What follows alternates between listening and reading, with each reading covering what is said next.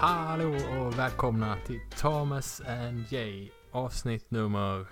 Det är ingen som vet det. Nej, Det är omöjligt att veta det. i mina anteckningar här så står det avsnitt XX. Och det betyder att jag skulle kolla upp det här innan vi började. Men... ehm, ja, eh, fem kanske? Tror inte vi har gjort så många. Det, ja, det kan vara fem. Vi hade en period där vi släppte ett gäng och sen så slutade vi med det. Men det- är avsnitt fem. Det var nog så- några år sedan sist i alla fall.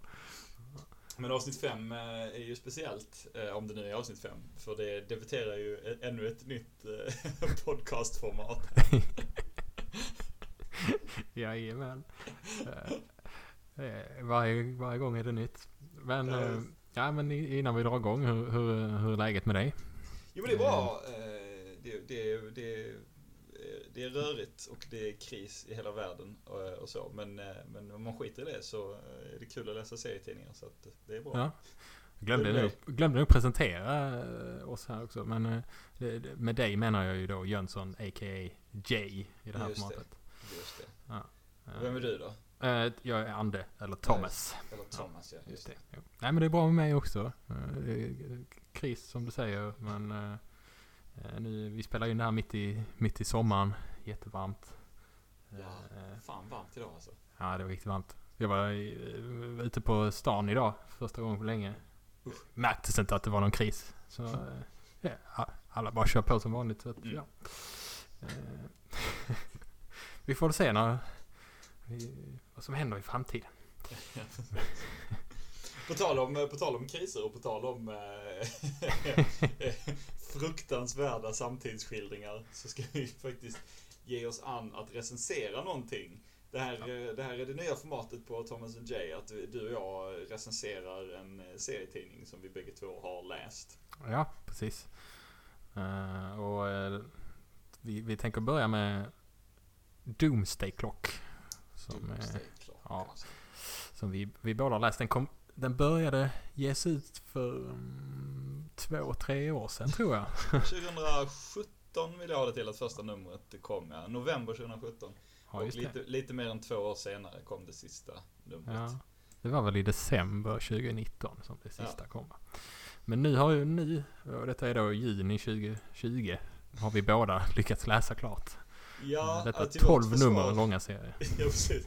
Till vårt försvar eh, kom ju samlingsvolymen, blev ju först avslutad för typ en vecka sedan eller någonting i den stilen. Ja. Eh, Så att eh, jag hade tänkt, jag har övervägt att läsa lösnummer men, men jag fick rekommenderat för mig att låta bli att göra det. Ja. Av anledningar vi ska gå in på senare. Men ja, vi ska recensera Doomsday Clock. Men Doomsday Clock är ju en maxiserie, 12 nummer lång då, från DC Comics. Och den kräver lite grann backstory eh, för att man ska förstå vad, vad det här är och varför det är, är speciellt. Dels är det ju en, åtminstone säger sig vara en uppföljare till eh, maxiserien Watchmen. Eh, som för övrigt också publicerades över 12 nummer, men de tog bara ett år på sig att, att Mm. släppa Mm. tokigt nog.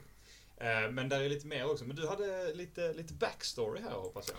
Ja men precis. Jag tänkte att innan vi börjar gå in på Doomsday Clock så, så tänkte jag sammanfatta eh, ja, kontinuiteten i, i DCs universum. Eh, lite så att eh, eftersom Doomsday Clock väldigt mycket rör själva det, det, det universum som DFCs eh, seriekaraktär lever i. Ehm, och det här kan nog ta några minuter. Men Ja. Det är bara du och jag som lyssnar, så, så go, go bananas.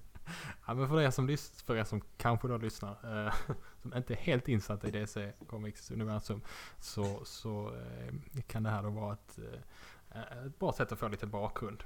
Ehm, och när vi pratar om ett universum inom DC så finns det ju olika universum också. Så, eh, det finns ett för tv-serierna som vi, vi har nämnt i någon tidigare cast, Arrowverse.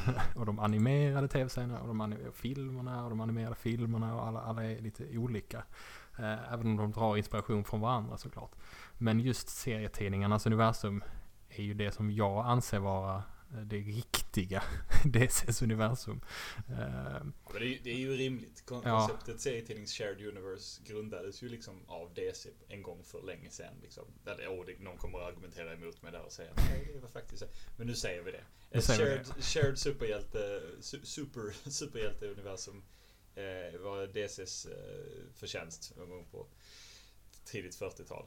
Ja, precis. Och, och, och just serietidningsuniversumet, det är, där den, det är där den längsta historien finns. Och det, det, det är oftast från serierna som det har sipprat vidare in i de andra universumen och inte så mycket tvärtom. Även om det kanske eh, har skett då och då. Men vi får väl gå tillbaka, som du säger, till 40-talet och till och med sent 30-tal. Eh, eh, men från sent 30-tal till nu så tänker jag att det finns fyra större händelser eller kriser eller events i DCs universum som kan vara värda att ta upp. Det, det finns mm. säkert ännu fler som kan vara ännu, ännu viktigare men vi ska försöka hålla det lite kortare här. Och då är det då Crisis on Infinite Earths. 85-86 eh, där. Mar, mm. Mar Wolfman och George Perez. Precis. Uh, Zero Hour. Uh, Just det, när fan är det? Någon gång i mitten av... 90-tal ungefär. Dan Jurgens har jag för mig. Jo men det stämmer ja, stämmer. Ja. Uh, Infinite Crisis. mitten på 20 00-talet så att säga. Och eh, den eh, sista är då Flashpoint eller New 52. Eh, som är den, eh, den, eh, den kris som sker innan Doomsday Clock som är värd att ta upp och som är kanske den viktigaste egentligen. Eh, för just den här serien. Ja, jag har läst Flashpoint tror jag. Ja. Men jag ska nog tillstå att den av alla dem är den jag har sämst koll på. Ja men det är samma här. Så vi, vi, jag, har, jag har också läst den tror jag, men den... Ehm, eh, det var lite eh, efter den tiden då jag läste som mest. så att säga. Samma här. Eh, men jag, är fullt införstådda på, på, på vad konsekvenserna av den var i alla fall. Så jag tror vi kan, kan eh, diskutera det ganska bra nu. Ja. Men vi börjar från början ändå. Eh, och då börjar vi på guldåldern eller Golden Age. Ehm, och ta, försöker ta oss fram till Crisis on Infinite Earths på 80-talet. Så, och du får jättegärna flika in om jag är fel ute här någonstans i min uh, research. Men strax före... ja, ja, precis. Strax före eller, eller under andra världskriget så kom de första serierna ut, som vi kan kalla för superhjälteserier. Med, med ju då Stålmannen eh, först då Flash och Wonder Woman, Aquaman, Green Lantern och så vidare. Um, och här eh, får vi också följa det första superhjältelaget så att säga. Justice Society of America. Eh, med då bland annat Flash och Green Lantern och Hourman, Dr. Fate. Några av karaktärerna. Eh, men, och detta håller ju på en bit in på 40-talet i alla fall. Men eh, av en eller annan anledning så dör superhjälteserier ut ganska mycket efter andra världskriget. det är inte det som är intressant längre. Eh, Stålis eh, Batman och Wonder Woman lyckas överleva och fortsätta publiceras. Och, men, och men de andra serierna... Det är ju väldigt viktigt. Aquaman också? Aquaman, ja, okay. Att understryka att Aquaman faktiskt överlevde också. Ja, det är ju fantastiskt. Ja. men eh, de fortsätter publiceras men resten, resten försvinner egentligen och ersätts av andra serier. Många av de här serierna gick ju i, i kanske inte in i, i, serier, alltså att de hade sina egna serier så som eh, Aquaman gick väl i en serie som heter More Fun mm, Comics eller något sånt. Um, jag tror uh, det till slut blev så att han var backup i typ Adventure Comics när More Fun Comics lades ner. Jag, jag tror ja. det i alla fall, för jag tror det var där Superboy gick också.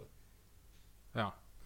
Nej men precis, så att, så att det är snarare kanske att de ersattes i de här serierna av andra serier än att, än att det blev en riktig nedläggning. Så att säga. Men 1956, då kommer en nyutgivning av, av The Flash ut. Um, Eh, så Flash har då varit borta i ett decennium i alla fall. Eh, och eh, där den första då, Flash, från, från, från 40-talet hette Jay Garrick. Och han hade en bra namn ja. Även inspirerat till den här podcastens ena halva. Han hade ju en stålhjälm på huvudet, hette Jay Garrick. Så heter då denna nya Flash Barry Allen och har en helkroppsdräkt. Eh, men i övrigt är det ganska så lika egenskaper då. De springer båda väldigt snabbt. Ja. Eh, så, och det här brukar man då kalla för startskottet på Silver Age. Eh, Där är det väl också så att Barry tar sitt namn för att han har läst serietidningarna om Jay Garrick. Så i hans ja, värld är Jay Garrick en seriefigur. Ja, är det så redan i första numren där? Jag vill, jag vill tro att det är det. Jag har för mig att det är det. För jag tror att det är liksom ett, ett inside joke Eh, Men, Ja, men jag, okej. jag kan ha fel där. Det kan vara att det kommer senare i det jag misstänker att du strax ska nämna. Ja, precis. Ja, nej, det kan vara så. Eh, Men eh, det vi kan också nämna är att det händer samma sak med lite andra hjältar. eh, Så som Green Lantern. Eh, Där har vi då Alan Scott som var den tidigare Golden Age Green Lantern. Eh, Och nu får vi då en Silver Age-version som heter Hal Jordan, eller Halv Jordan som, som Jönsson brukar kalla honom. Han var aldrig en hel Jordan. Det var, det var en av hans många brister. Och vissa, vissa hjältar heter andra saker, men eh, vi- vissa heter samma sak. eh, Och, men alla är egentligen då nya versioner av de gamla Golden Age-hjältarna. Eh, Undantaget då de som egentligen fortsatte utan att läggas ner då, som Stålis Batman och Wonder Woman. Men, men eh, så, så där är det lite svårare att hitta en gräns för vad som är Golden Age Nej, ja, precis. Stålmannen och vad som är Silver Age Stålmannen. Så att säga. Men det, det, det är egentligen oviktigt i sammanhanget. Och här nu under Silver Age så får vi ett nytt superhjältelag. eh, Justice League of America. Ehm, och ehm, ja, dessa nya hjältar de publiceras eh, i sina serier till synes helt utan någon speciell koppling till sina föregångare. Men allt, plötsligt förändras allt i eh, Flash nummer 123. Ja. Eh, och det var ju egentligen ett ganska oskyldigt nummer i serietidningen Flash som dock i längden fuckade upp DCs universum för alltid.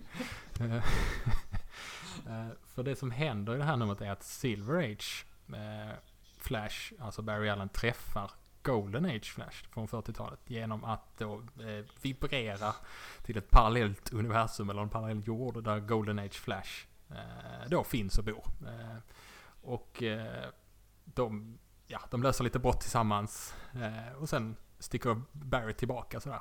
Allt är frid och fröjd. Men eh, då har Jay man då har öppnat åldrats, Pandoras eh, box. Lite grann också. Han har lite gråa tinningar, intressant. Ja, så, så är det ju. Så är det ju.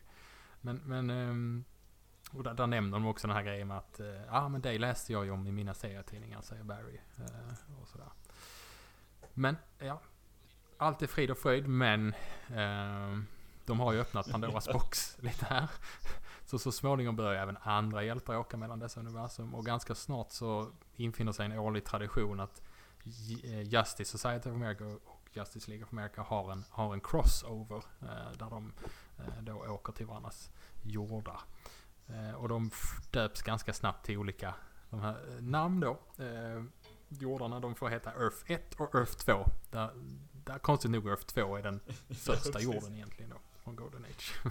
Eh, eh, jag tror det förklaras långt senare i att eh, Golden Age-hjältarna de var, de, var, de var alldeles för De var för artiga. Ja. snälla för oss, ja men för artiga, för att nämna att de faktiskt var först. Men efter ett tag började också skrivas in en massa andra jordar. Earth 3 till exempel, där skurkar är goda och hjältar är onda i princip. Det. Ultraman. Eh, Ultraman ja. Lex Luthor är den stora hjälten istället till exempel.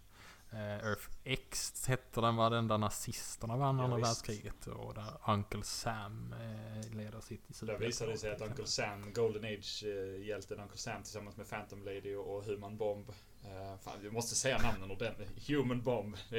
Vi, har sagt dem för, vi har sagt dem för tokigt i alla dessa år. Ja. Eh, Ja. Men eh, de, de är egentligen från Earth 2. Men så har de ju färdats till Earth X då för att, eh, för att det jag minns inte om de gjorde det frivilligt eller så, men för, för, att, för att stoppa nazisterna då som, som vann andra världskriget. Så de, är, de härstammar från Earth 2 egentligen. Eh, the- Ah, Uncle okej. Sam and the Alltså det där hade jag inte koll på faktiskt. Ja, ja, ja. Ja, Jag har inte koll på. Jag, eh, senare. Jag har inte läst några av de serierna. Jag kan få låna dem med mig. Jag tror jag har dem. Eh, ja, men eh, vi kan också nämna att under åren så samlar då DC på sig rättigheter till andra bolagsserier också. Eh, och det, det, det, det blir ett litet dilemma för är, är då dessa hjältar som har funnits i, i, i ett annat universum kan man säga, ett annat företagsuniversum. Som till exempel då Blue Beetle. Är, är, det en del av, är han en del av DCs universum? Och vilket universum är han i så fall? Nej, det får ju vara ett eget universum då. Och dessa då parallella jordar och universum och andra företagshjältar och allt vad det är gör att det helt enkelt blir väldigt rörigt. Ehm, och på 80-talet bestämmer man sig för att då göra en stor serie för att reda upp allt det här. Som då är den här Crisis on Infinite Earths. Um, och jag kommer inte gå in på så jättedetalj på de här stora kriserna. Eh, mer än att egentligen konstatera vad effekterna av dem är. Men mm. Crisis on Infinite Earths, jättebra serie. Vi skulle kunna ha 12 olika avsnitt bara för att prata om den serien. Det måste vi, det måste vi ha. Fan. Ja, det måste Blir detta en succès ska vi, går vi tillbaka till Crisis on Infinite ja, Earths alltså. Ja. ja det, det, är en succé redan. Ja, ja men bra, utmärkt. Då gör vi det. Vi skiter i Doomsday. Nej men um, Crisis on Infinite Earths, uh, det är ett stort event där uh, det som egentligen händer är att en massa av dessa parallella världarna förstörs. Uh, och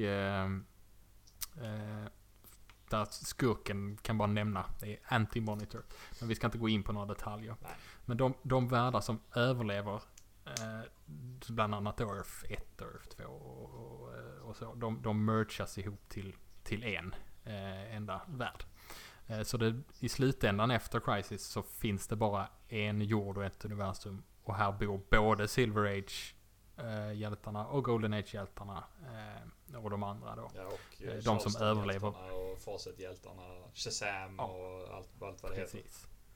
heter. Um, och, uh, men det är en väldigt massa hjältar som dör också för det blir liksom kanske lite svårt att ha, ha alla uh, på, samma ställe då. Uh, rest in peace Golden Age Green Arrow säger jag till exempel. jag visste att du skulle säga det.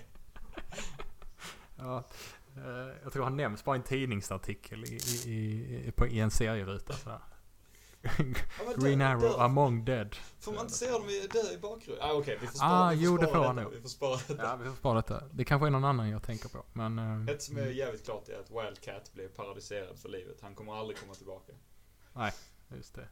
Ja, men uh, Eh, det som kan vara värt att nämna, och det här är, det är jättemycket spoilers för övrigt. Jag, inte, jag antar att ni förstår det, ni som lyssnar. Att eh, om ni inte vill ha några spoilers så, så, så eh, ja, då borde ni stänga av egentligen. Jag ska sätta en varning. Klicka inte på detta avsnittet. Nej. Om du, du vill ha spoilers. Men å andra sidan, herregud, det kom ut för vad är det, 34 år sedan. Det får, det, Ja, men eh, har man inte läst den så är det kanske uh, inte så kul att veta att jag då berättar nu till exempel att man vill inte ta död på, på, på Golden Age Stålmannen då. Nej. Uh, så han transporteras, eller vad ska man säga, transporteras ja, tillsammans med Superboy och Golden Age Lois Lane då till något slags paradis, eller vad ska man kalla det? Jönsson. Ja, jo men en, en, det, det, ska ju vara ett, ett perfekt avslut. Han, han, ja. han, ska ju få sin belöning där egentligen. Liksom, det, som, den, som den första av dem, om man inte räknar typ Phantom Stranger. Nej, vad säger jag? Crimson Avenger. Ja. Eh, så ska han ju få ett slags himmelrike. Och det antyds ju rätt så starkt liksom att det här är att han dör, fast en liksom ja. garanterad tripp till himlen. Han, han Alexander Lukas, Alexander Lukas, Alexander Luthor. Gud, det har varit en lång dag. Alexander Luthor Superboy som inte är den Superboy från serietidningarna men en representant för de Superboys från serietidningarna och Lois Lane. Ja. ja. Just det. Och de, det, det, det är liksom, eh, vad ska man säga, det, det rådde någon slags, eh, ja, någon tyst överenskommelse om att man, man rör inte eh, Golden Age Stories efter det här eh, inom DC då. Så ja, det är alltså summan av det hela. Allt, allt är väl nu då frid och fröjd. Eh, eftersom de då har gjort detta. Men um, eftersom det såldes så jävla bra med sådana här crisis-serier så, så, så kommer det såklart en ny uh, kris på 90-talet som jag nämnde innan då, Zero Hour.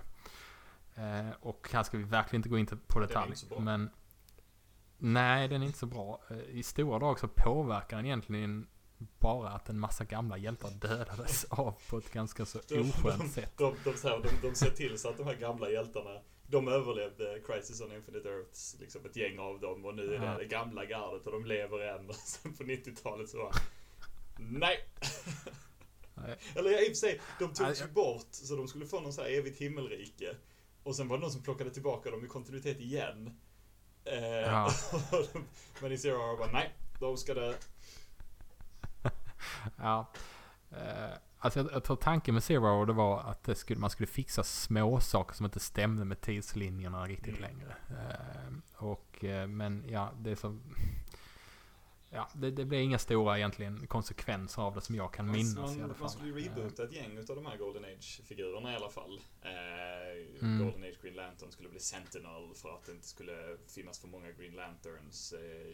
Jay Garrick skulle lämna bort Flash-titeln helt och hållet. Det skulle vara en ny Starman, det skulle vara en ny Dr. Fate. Eh, och då behövde man liksom Mm. då behövde man ta bort liksom, de här legacy-figurerna de behövde, så, så att de nya figurerna kunde ha någonting att starta från. Och där, en del av de serierna var väldigt, väldigt bra. James Robinson Starman exempelvis som startade från eh, Zero Hour är ju fantastisk liksom. Mm. Eh, ja, men just Zero, eh, den tyckte ju ingen av oss var särskilt bra i alla fall. Eh, det, ska, det ska dock eh, flikas in här lite så personlig anekdot att detta var den första superhjälteserien som du Jönsson visade mig när vi var små. Ja, och jag tyckte det var så spännande att superhjältarna kunde dö. Så det var faktiskt det som gjorde att jag, jag började läsa. Ah, och började fråga dig om vad jag skulle börja läsa. För du visade. ehm, jag tror, jag kommer ihåg speciellt en ruta som där Green, Green Lantern, Alan Scott, eh, han säger My ring protects me, but the others. Och så dör hans eh, det. la- kompisar. Eh, men eh, ja, vi lämnar där med eh, Zero Hour eh, till historien. Eh, och tar oss raskt vidare till 2000-talet och Infinite Crisis då kom ut. Eh, då kan man väl också nämna att det var väl då som både du och jag läste som mest DC Comics. Den här upplevde vi båda eh, medans det, medan det hände. eh, Ja, det var, det var förbannat häftigt faktiskt. Eh, Ja, att, det- att, det att jag leva i det. För då var just det, då var ju det det stora eventet liksom. Och det tog långt, de byggde Mm. upp mot det länge och det var liksom hintar och mm, det var snyggt. Ja. Ja, och det, det är också det som är lite förbannelsen för oss båda tror jag. Att vi, vi, vi, vi känner att vi jämför allting med den här tiden då vi läste. Då, det, det har aldrig, ingenting kan leva upp till det riktigt känns det Nej, det stämmer nog faktiskt. Ja. När, eh, Men- när den är gjord så går... Nej, det stämmer nog. Ja. Men eh, den här eh, serien påverkade egentligen DCs universum i motsatt riktning då. Eh, så istället för att flera jordar eh, blev en jord så blev nu då eh, en jord flera jordar. Man gick tillbaka till det här med multiversum-konceptet. Eh, ska inte gå in på detaljer här heller men ehm, det, det här kommer då eh, Golden Age, Stålmannen eh, och gänget eh, tillbaka då. Man, man, eh, man bryter den här eh, eh, osagda regeln om att man får inte röra de, de här eh, Golden Age Stålmannen får inte vara med i en serie längre. Utan, men nu, nu, nu tar man då tillbaka honom och det visar sig då att Alexander Lukas är, är en skurk då bland annat. Eh, eller liter. Men eh, vi konstaterar också att här, även i den här serien så dör det en massa hjältar. Eh, rest in peace eh, Fiddler. Ehm, oh, Fiddler. Det, det som händer då är att det, kommer en massa nya jordar. Men det påverkar egentligen inte karaktärerna på, på ursprungsjorden så mycket. Det var inte så att Golden Age-hjältarna började nu bo på en annan, en ny Earth 2. Utan de bodde kvar på Earth Prime som, det väl, eh, som den hette då.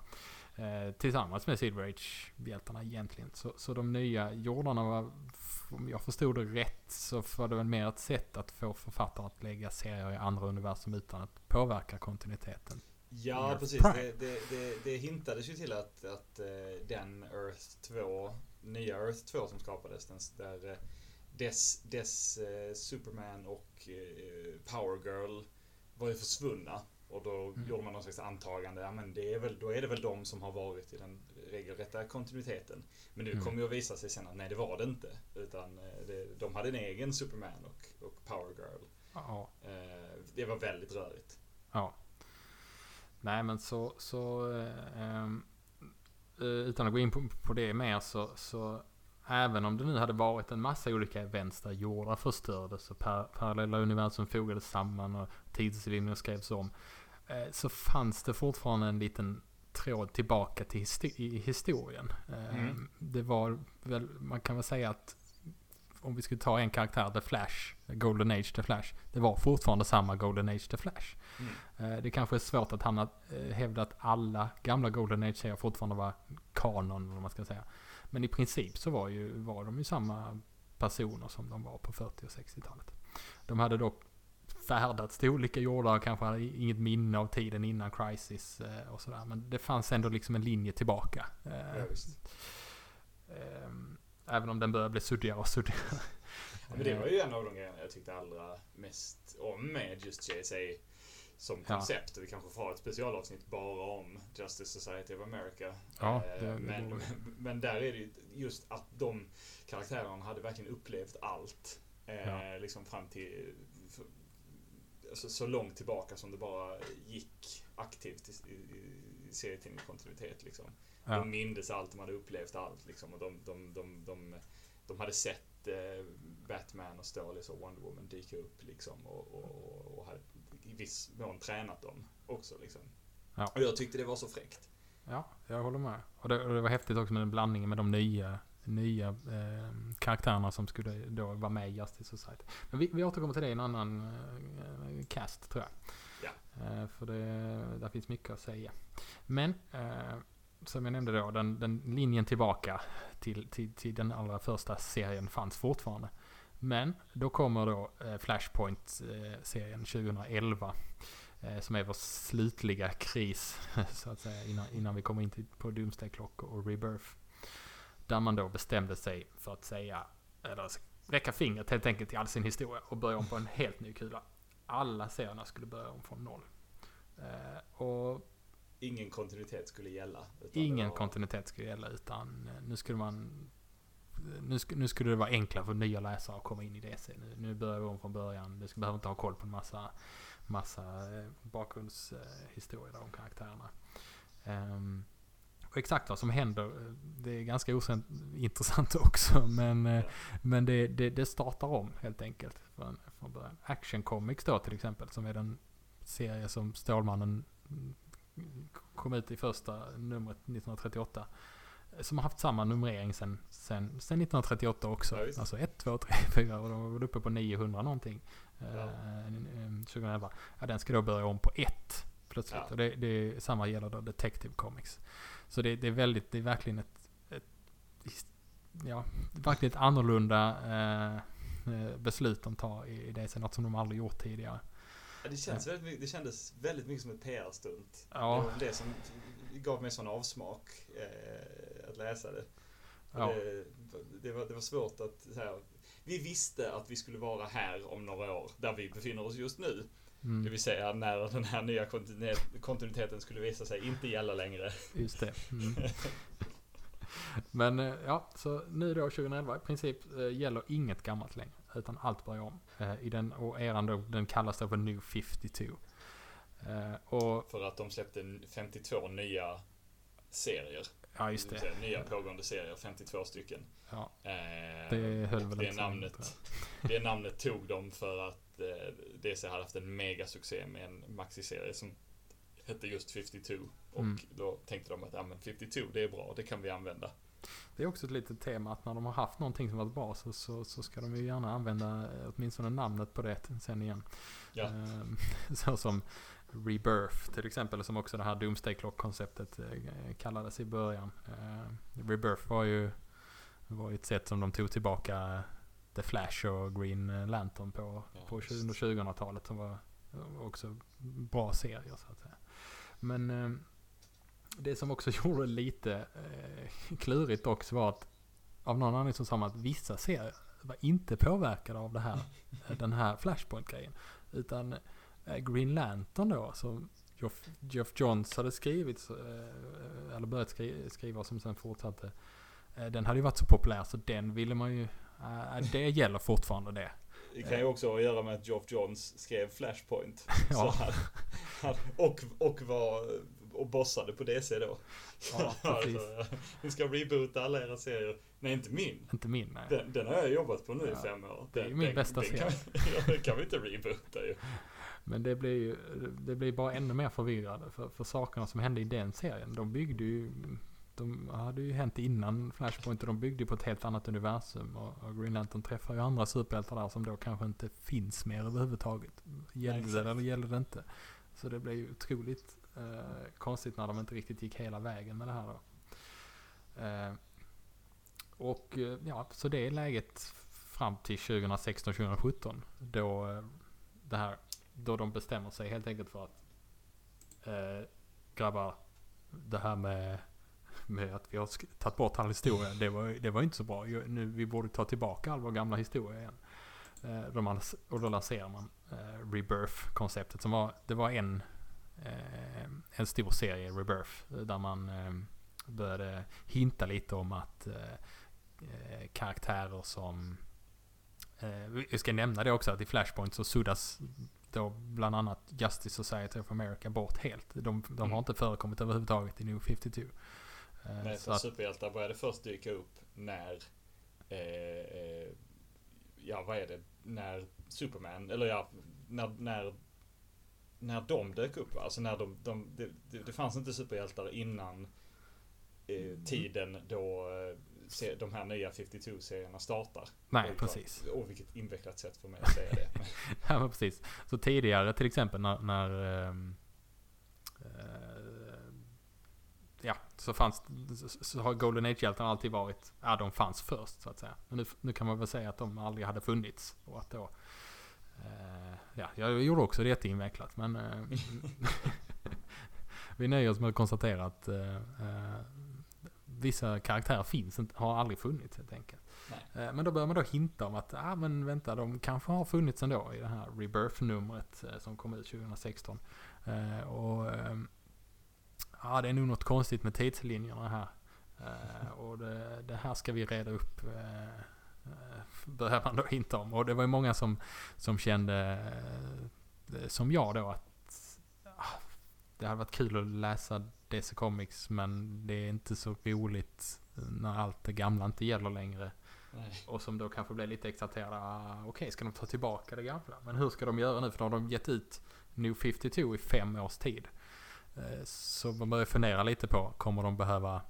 eh, De, de kommer ju behöva välja då eh, att gäller inte någonting av det som hände i New 52 eller gäller, gäller det som hände innan?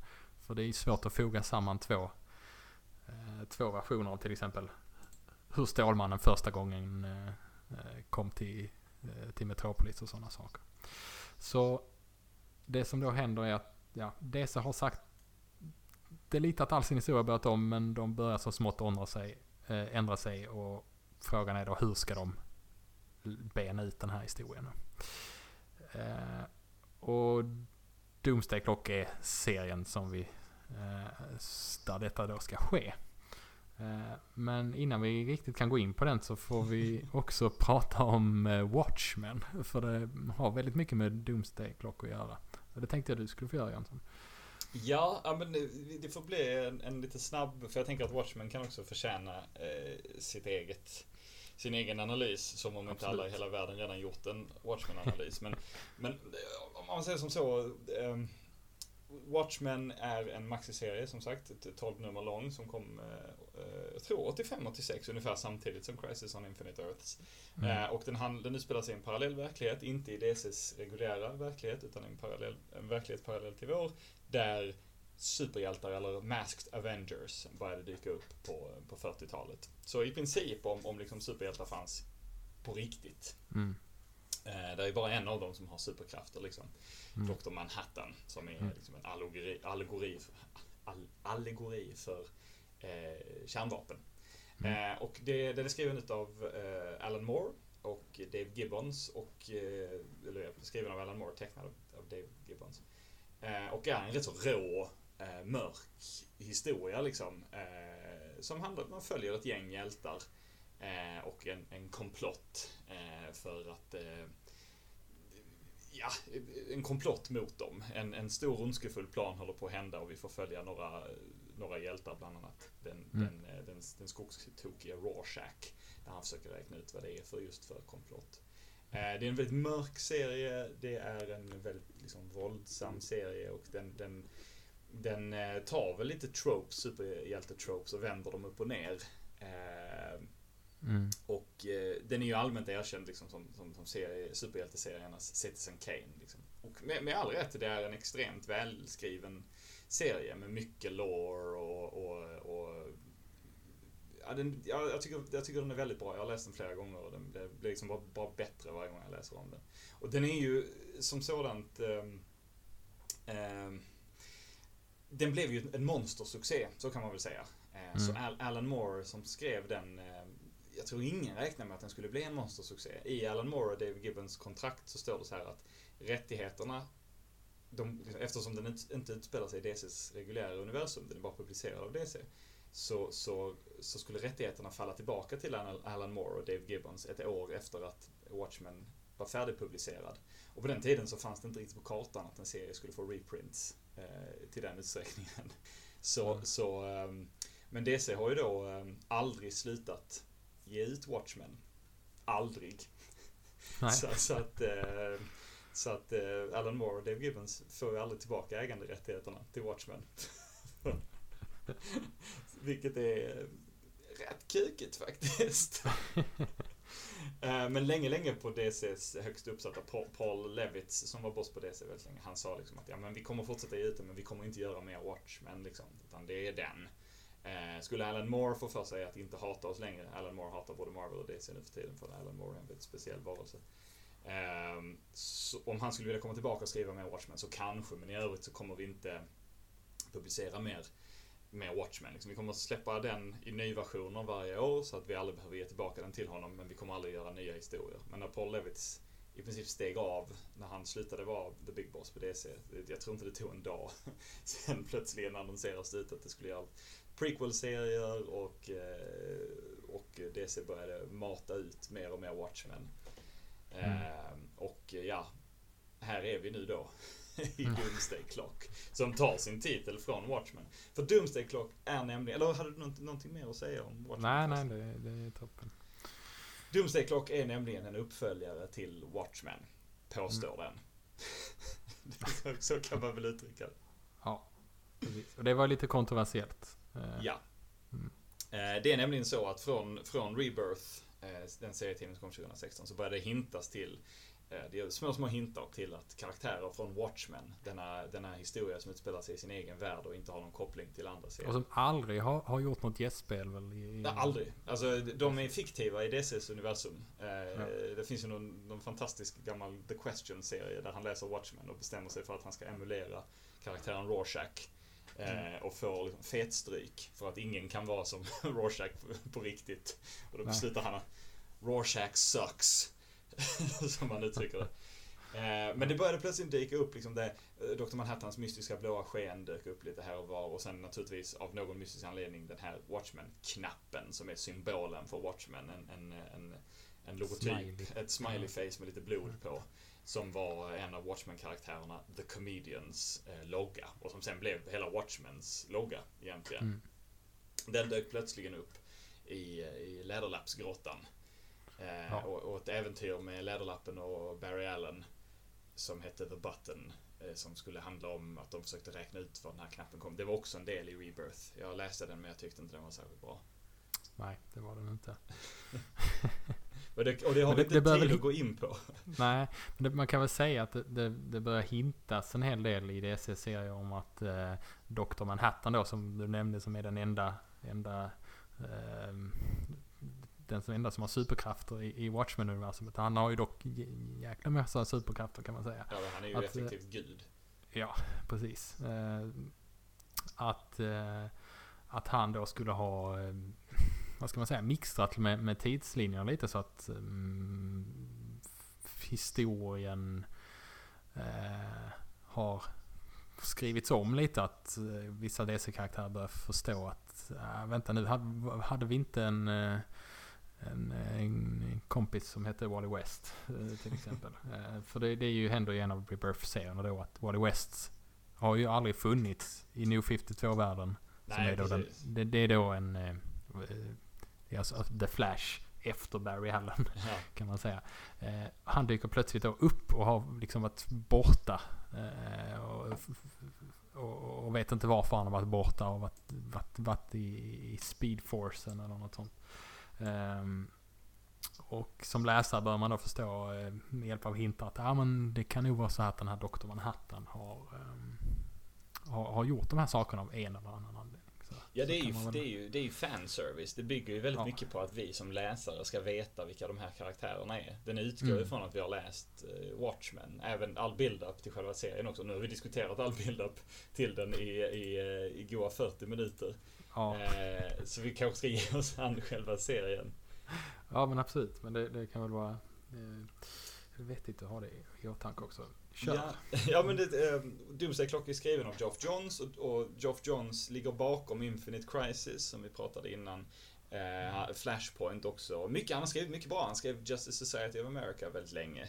Eh, och han skrev Green Lantern Rebirth. Han, han, han, han är jäkligt duktig på kontinuitet och fanservice kan man väl säga. Ja, Eh, han är också duktig på karaktär. Ja. Eh, och har skrivit så mycket bra så att han har ju blivit eh, någon slags big boss på DC. Ja. Han, han- ofta tycker jag han säger kan bli, det, det känns som att man läser en film lite.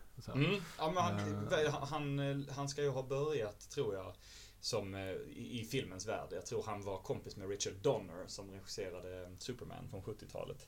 Ja. Eh, och det har nog format väldigt mycket hans bild av vad, vad superhjälteserier är. Han, han är ju kvar i någon slags sån här 60, men i synnerhet 70-tals superhjälte föreställning liksom. Så han vill ju gärna ha att det ska vara karaktärerna han växte upp med. Som Mm. till hans försvar många vill. Och jag menar du och jag vill ju ha karaktärerna vi växte upp med. Vi slutade Ja. läsa när JSA försvann så att vi kan inte klandra honom för det.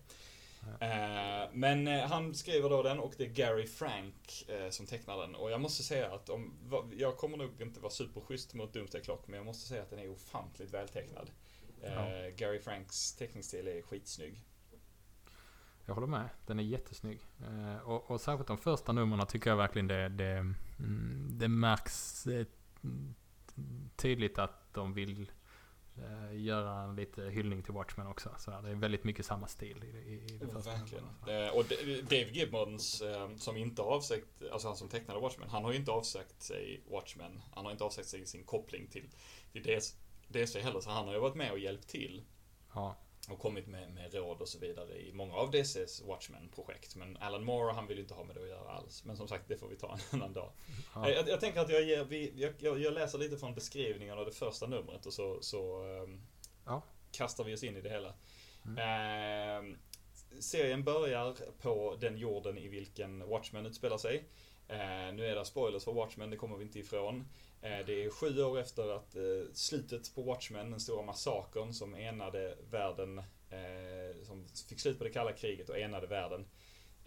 Och gjorde sig av med en hel drös med karaktärer, däribland Dr. Manhattan. Han försvann. Han sa han skulle Mm. till en annan verklighet, sa han. Mm. En som är mindre komplicerad. Eh, nu, har- nu har det visat sig att eh, Adrian White, han som, som eh, orsakade massakern, hans stora lögn, han, den, har, den har kommit fram. Folk har räknat ut att det har hänt. Eh, att det allt, allt var ett lur. Så nu är de tillbaka på ruta ett, där de var när Watchmen började. Och är inte det skönt? Att veta att handlingen i Watchmen startar om på ruta ett i den här serien. Det är, det är vad du vill ha från en uppföljare vilken dag som helst. Man kan dock till, till, till försvar där så kan man väl säga att i slutet på Watchmen så hintas det väl eh, ganska starkt Oh ja. att, att detta kan ske. eh, I och med att Verkligen. Eh, Rorschachs, eh, det är en som har dokumenterat den här lögnen. Som, den skickas väl till ett, till en...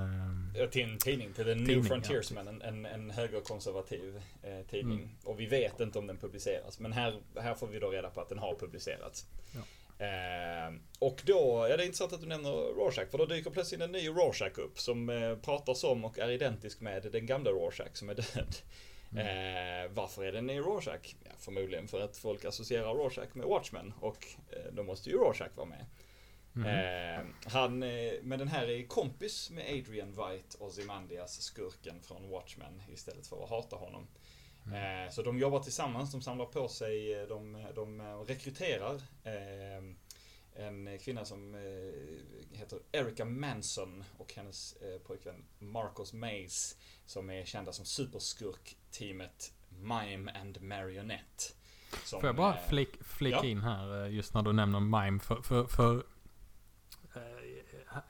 det, just sekvenserna med han som är superskurken som är då en mimare.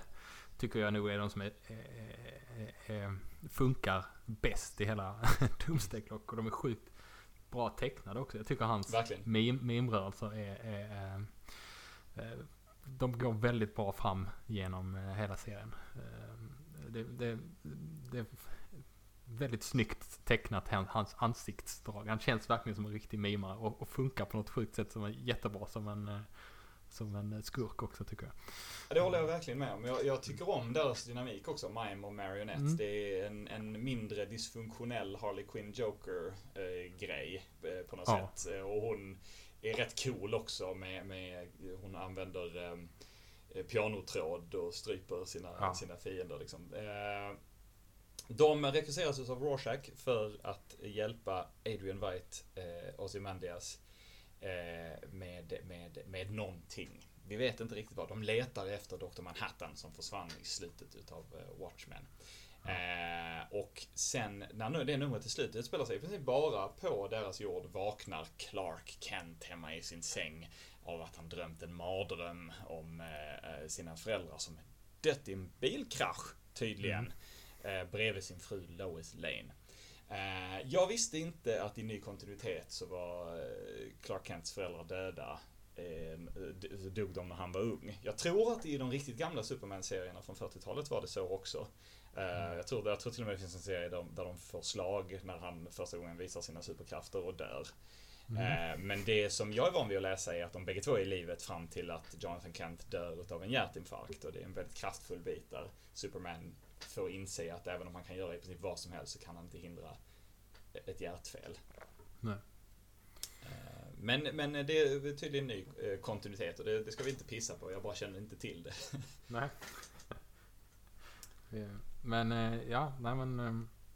Och, och första numret där, om, jag bara ska snabbt recensera det lite så var det, var det nog det starkaste tyckte jag. Jag tyckte nog det var det bästa i, i, i hela, i hela Doomsday Clock. Eh, Och kanske just för att den inte utspelar sig i DCs universum överhuvudtaget. eh, Utan höll sig till Watchmen-karaktärerna.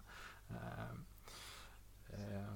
Och särskilt för jag, jag läste ju en del av de andra serierna på den här tiden och man kan säga att det var en, jag tyckte det var en stor kvalitetshöjning när Doomsday Clock kom ut jämfört med de andra av dessa serier också eftersom ja, man märkte att de hade lagt ganska mycket krut på det. Och Geoff Jones Geoff, eh, skriver ju väldigt bra också. Han är, han är ju, han är ju väldigt, väldigt duktig på, på ehm, Alltså, det, jag det låter som ett illa ord när jag säger det, men alltså fanservice. Jag tycker väldigt mycket om fanservice och han är väldigt, Mm. väldigt bra på det. det, det är så, Ja. eh, så jag säger inte det som något negativt, även om det, det låter negativt. Eh, varje nummer har också lite, eh, lite mm, kuriosa i slutet av numret. Eh, där är lite tidningsurklipp eller, eller eh, memos och så vidare. På samma sätt som Watchmen hade. Eh, vi kommer inte gå in riktigt Mm. på dem. De, de är worldbuilding, de här. De försöker förklara hur, hur DCs reguljära kontinuitet ser ut för tillfället. Eh, Och ja, de, de både röriga och, och men, men användbra. Ja men de ska man Eh, absolut läsa. För Ja, definitivt. Man ska, man, man, absolut, precis precis som i Watchmen. Liksom. Ehm, I nästa nummer så ger de sig iväg. Eh, de reser i Night Owls gamla skepp. Än en gång av anledning att det är Watchmen. Så då måste vi använda eh, etablerad estetik. Det kan inte vara så att Ozymandias har byggt ett eget skepp utan han måste sno Night Owls gamla skepp, bygga om det så att det kan färdas mellan verkligheterna. Och det är här det sker då, från ett, ett, ett universum till ett parallellt. Mm. Eh, Och det gör de precis när jorden går under. Så det är jävla välplanerat här att han lyckas, eh, han använder tror jag eh, kärnvapenexplosionen för att kunna transportera sig Mm. eh, med de här till, till DCs universum. Just det. Eh, och där kraschar de eh, i ett av DCs många övergivna nöjesfält. Det tyckte jag var lite, det tyckte jag var lite fint faktiskt. Ehm, eh, och, och börjar utforska, och det är Gotham City såklart naturligtvis. Och börjar utforska den här jorden för att få reda på ja, hur den här jorden funkar. Och då får vi reda på att där är ett, eh, en, en, en stor schism i världen. För någon har nämligen eh, eh, släppt konspirationsteorin att USA i hemlighet skapar sina superhjältar och superskurkar via, eh, via ett eh, hemligt eh, secret government project att ge folk superkrafter. Så att USA, som garanterat har flest eh, figurer med superkrafter, ska vara liksom, ja men en liten parallell till att vara eh, kärnvapenövermakt Mm. exempelvis. Eh, intressant, eh, måste jag säga. Eh, de har verkligen haft kul med att, att rota fram DC-figurer som har annan nationalitet och Ja. eh, liksom knyta dem till sina länder. Jag minns ju liksom karaktären, eh, vad tusan heter han? Heter han Geoforce? Han är ju från Ja. ett fiktivt eh, land mitt i Europa, Markovia. Ja. Som är rätt skön person, lå- men han är vansinnigt eh, eh, nationalistisk och jingoistisk i Doomsday Clock tycker jag. Det låter ju som ett, ett riktigt alltså, östeuropeiskt land, tänker man sig. Men det ligger, alltså, de, man kan se på en av kartorna eh, eh, som de har med där att, att det ska, tydligen ska ligga eh, typ ja, eh, norr om Frankrike eller något sånt. Det känns väldigt märkligt. Ah, Mm. det, det, är, ju- det är ju faktiskt så, och det är ju tydligen en, en vedertagen grej, det visste inte jag, men att, att DCs jord eh, är identisk med jorden, men den är lite, lite större. Så Ah. den får plats med fler städer och fler länder. Det är tydligen eh, etablerad kontinuitet. Ja. Eh, Men då tas det upp att ett gäng eh, kända eh, super, figurer med superkrafter skulle vara då skapade utav regeringen. Bland annat Lady Clayface. Vad kul att se att Lady Clayface kommer tillbaka. Mm. Kontinuitet Manbat, Metamorpho och ett gäng andra. eh, Framförallt vår gamla personliga favorit Mm. Firestorm. ja.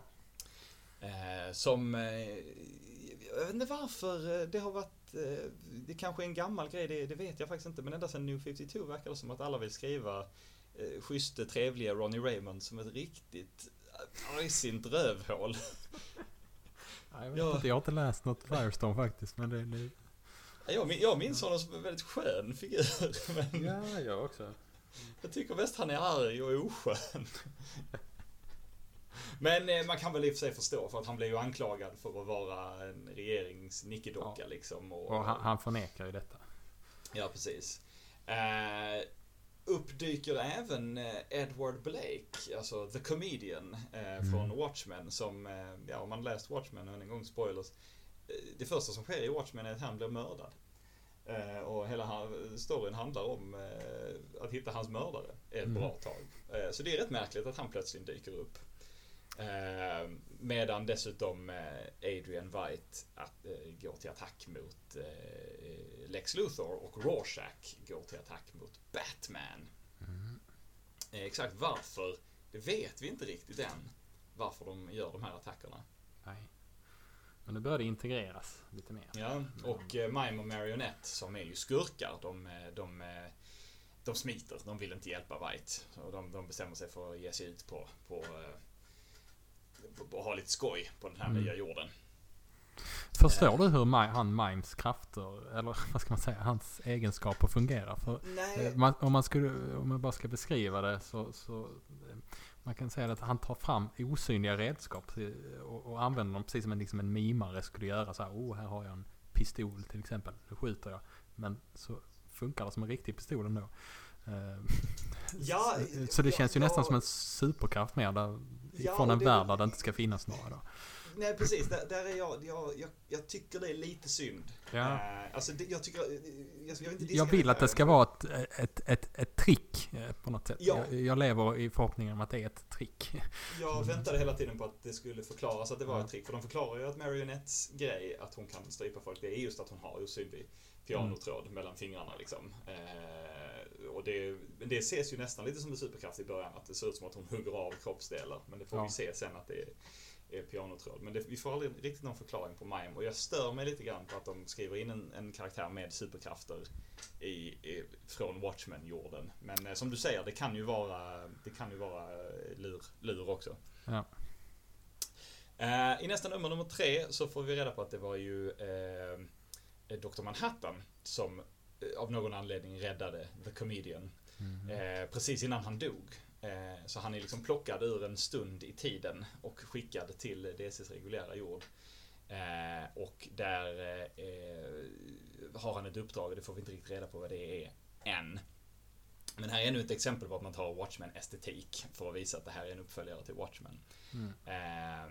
Eh, White eh, slåss lite mot, mot comedian men sen smiter han och eh, Rorschach han försöker övertyga Batman eh, eh, att, att hjälpa honom. Eh, gissningsvis har Rorschach räknat ut att Batman är en av de eh, mest profilerade och bästa hjältarna. Jag eh, tror på han... nej, det var Lex Luthor. De kom, White kom fram till att du är den smartaste på den här jorden. Jag är den smar- smartaste Just det. jorden. Nej, men jag, Batman vet jag inte. Mm. Ja, men Rorschach behöver hans hjälp i alla fall. Ja. Eh, och eh, Batman, vi tror att Batman tror på honom. Mm. Men det gör inte Batman. för Batman beslutar sig för att ta med honom till Arkham Asylum där Batman påstår att här, här kan jag hjälpa dig. Och sen Här finns Batman- Dr. Manhattan. Han är Ja, här i det här rummet. Just det. Och Batman går in med Rorschach i en cell och sen tar han ett steg ut och låser. Och sen... Ja, jag ty- Han jag är, ty- ing- han är jäkligt oskön där. Ja, det Batman. är riktigt, men men det är väldigt roligt. Det, men ja, det var väldigt skoj. Ehm, samtidigt får vi eh, titta in på ett ålderdomshem.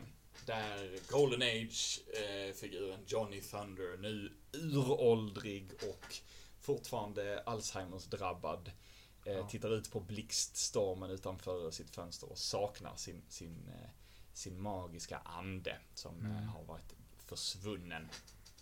Om det nu är Johnny Fonda eller är det kanske bara en tokig gammal gubbe? Det, vi vet det, inte. det vet man inte. vet inte. Johnny Thunder var ju en tokig gammal gubbe i den gamla kontinuiteten också. Mm. Eh, och innan han till Dock slut död. dog. Dock Ja. död, ja precis. Han dog och hans krafter eh, transporterades till en annan karaktär. Eh, men eh, där, där har vi honom igen och jag personligen blev väldigt glad av att se honom. Jag, jag, jag tycker rysligt, alltså, rysligt mycket om karaktären Johnny Thunder. Han är så jäkla fånig. Men det finns så mycket hjärta i den karaktären. Eh, Men alltså har du läst gamla Johnny Fonda-serier från, från, från 40-talet? Några stycken, han är ju inte medveten om att han har superkrafter i, i, i de tidiga. Nej.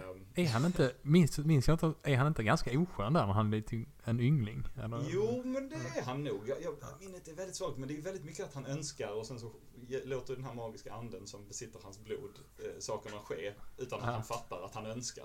Ja, just det. Eh. Det tar väldigt lång tid innan han fattar.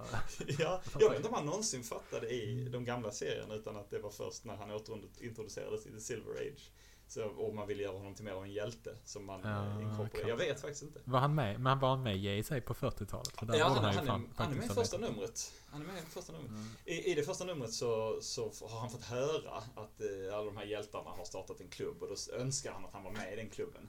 Och då blir han transporterad dit och tror jag han ramlar på ändan och så skrattar alla åt honom. Typ. Ja, är eh, Skitsamma, ja. eh, Mime och Marionette de, eh, de kutar runt i Gotham. Och det som förr eller senare kommer ske om du kutar runt clownklädd i Gotham är att du kommer sätta på Jokern. Vilket de gör och jag tycker att Jokern var rätt kul i de här serierna. Jok- Jokern ska ju användas väldigt sparsmakat i stora crossovers för han har ju egentligen inte riktigt där att göra. Nej. Jag tyckte Infinite Crisis använde de honom väldigt roligt genom att in, helt enkelt inte låta honom vara med. Så han dök Nej, upp i bakgrunden Inte förrän i sista rutan. Ja, precis. Han, han, han dyker upp någon gång där han frågar varför han inte får vara med. Och att Ja. du får inte. Och sen Han får, ja. slutet. Jag tyckte det var väldigt roligt. Och Vi samma- kan nämna, nämna ja. här också att under, under hela eh, det första året eh, sen Rebirth eh, lanserades och man väntade på Doomsday Clock så, så har man inte sett till Jokern i, i serien överhuvudtaget. Eh, så det, om jag minns rätt. Vi väntar, fortfarande, vi väntar fortfarande för, att få reda, för att få reda på vad, vad den här stora hemligheten om Jokern som de mm. Mm. teasade för vad är det, tre år sedan eller någonting. Ja, just det. Eh, ja. Den har fortfarande inte släppts vad jag har förstått. Eh, den här serien där vi ska få reda på det. Men det, man, så man, kan säga att det var, det var, en, det var en ganska lång build-up till att, att få se Jokern i en serie igen. Eh, ja, verkligen. Så att, mm. Eh, Och det, ja, jag, jag älskar Jakob. Det är en cool karaktär liksom. Så det, det är ju Mm. gött. Eh, de eh, har, ja i princip, de träffar ju faktiskt inte Jokern. De, de, eh, de börjar ha ihjäl Jokerns mannar i, en förhoppning om att få träffa Jokern. Eh, och Mm. då skålar de även för sin son. De har ett barn som är borta. Mm. Eh, Rorschach inlåst på, på, på eh, Arkham. Han, han drömmer mardrömmar eh, om ett stort monster som attackerar New York, precis som händer i slutet av Watchmen. Eh, och Batman förklarar ju faktiskt. Jag, jag, vet inte om Batman menar att, att han faktiskt har hittat en temporal ano, ano, anomaly, som han säger, en, en oregelbundenhet i tiden i Arkham, eller om det bara är att han ljuger när han, när han eh, låser in honom. Eh, sen får vi också veta att en skådespelare vid namn Carver Coleman har blivit mördad. Den här skådespelaren, han spelade karaktären Nathaniel Dusk. Eh, som är en filmserie som har haft massor av filmer som har eh, Som inte finns på riktigt utan som finns i, i, eh, i DCs universum. Så det är liksom en eh, Ty Tydligen en, en serietidning på 80-talet eller? Ja, titta där. Jag klickar på det nu. Det stämmer bra det. Det hade jag ingen aning om. Som jag aldrig hade hört talas om innan. Så att det, det, det var en referens till något riktigt. Den verkar inte utspela sig i DCs reguljära kontinuitet. Så det kanske är Det kanske är det då. Ja. Ja, men det är ändå... Det, ja. fanns, det var inte gripet ur luften. Nej, Geoff Johns, som sagt, fanservicens konung. Han är bra på det. Han gör sällan det. uh, uh, vi, vi, vi, springer vidare tror jag, eller vad säger du? Jag tror vi gör så att vi, vi pausar, uh, pausar där och fortsätter i nästa avsnitt av Thomas and Jay. så vi, vi ses då helt enkelt.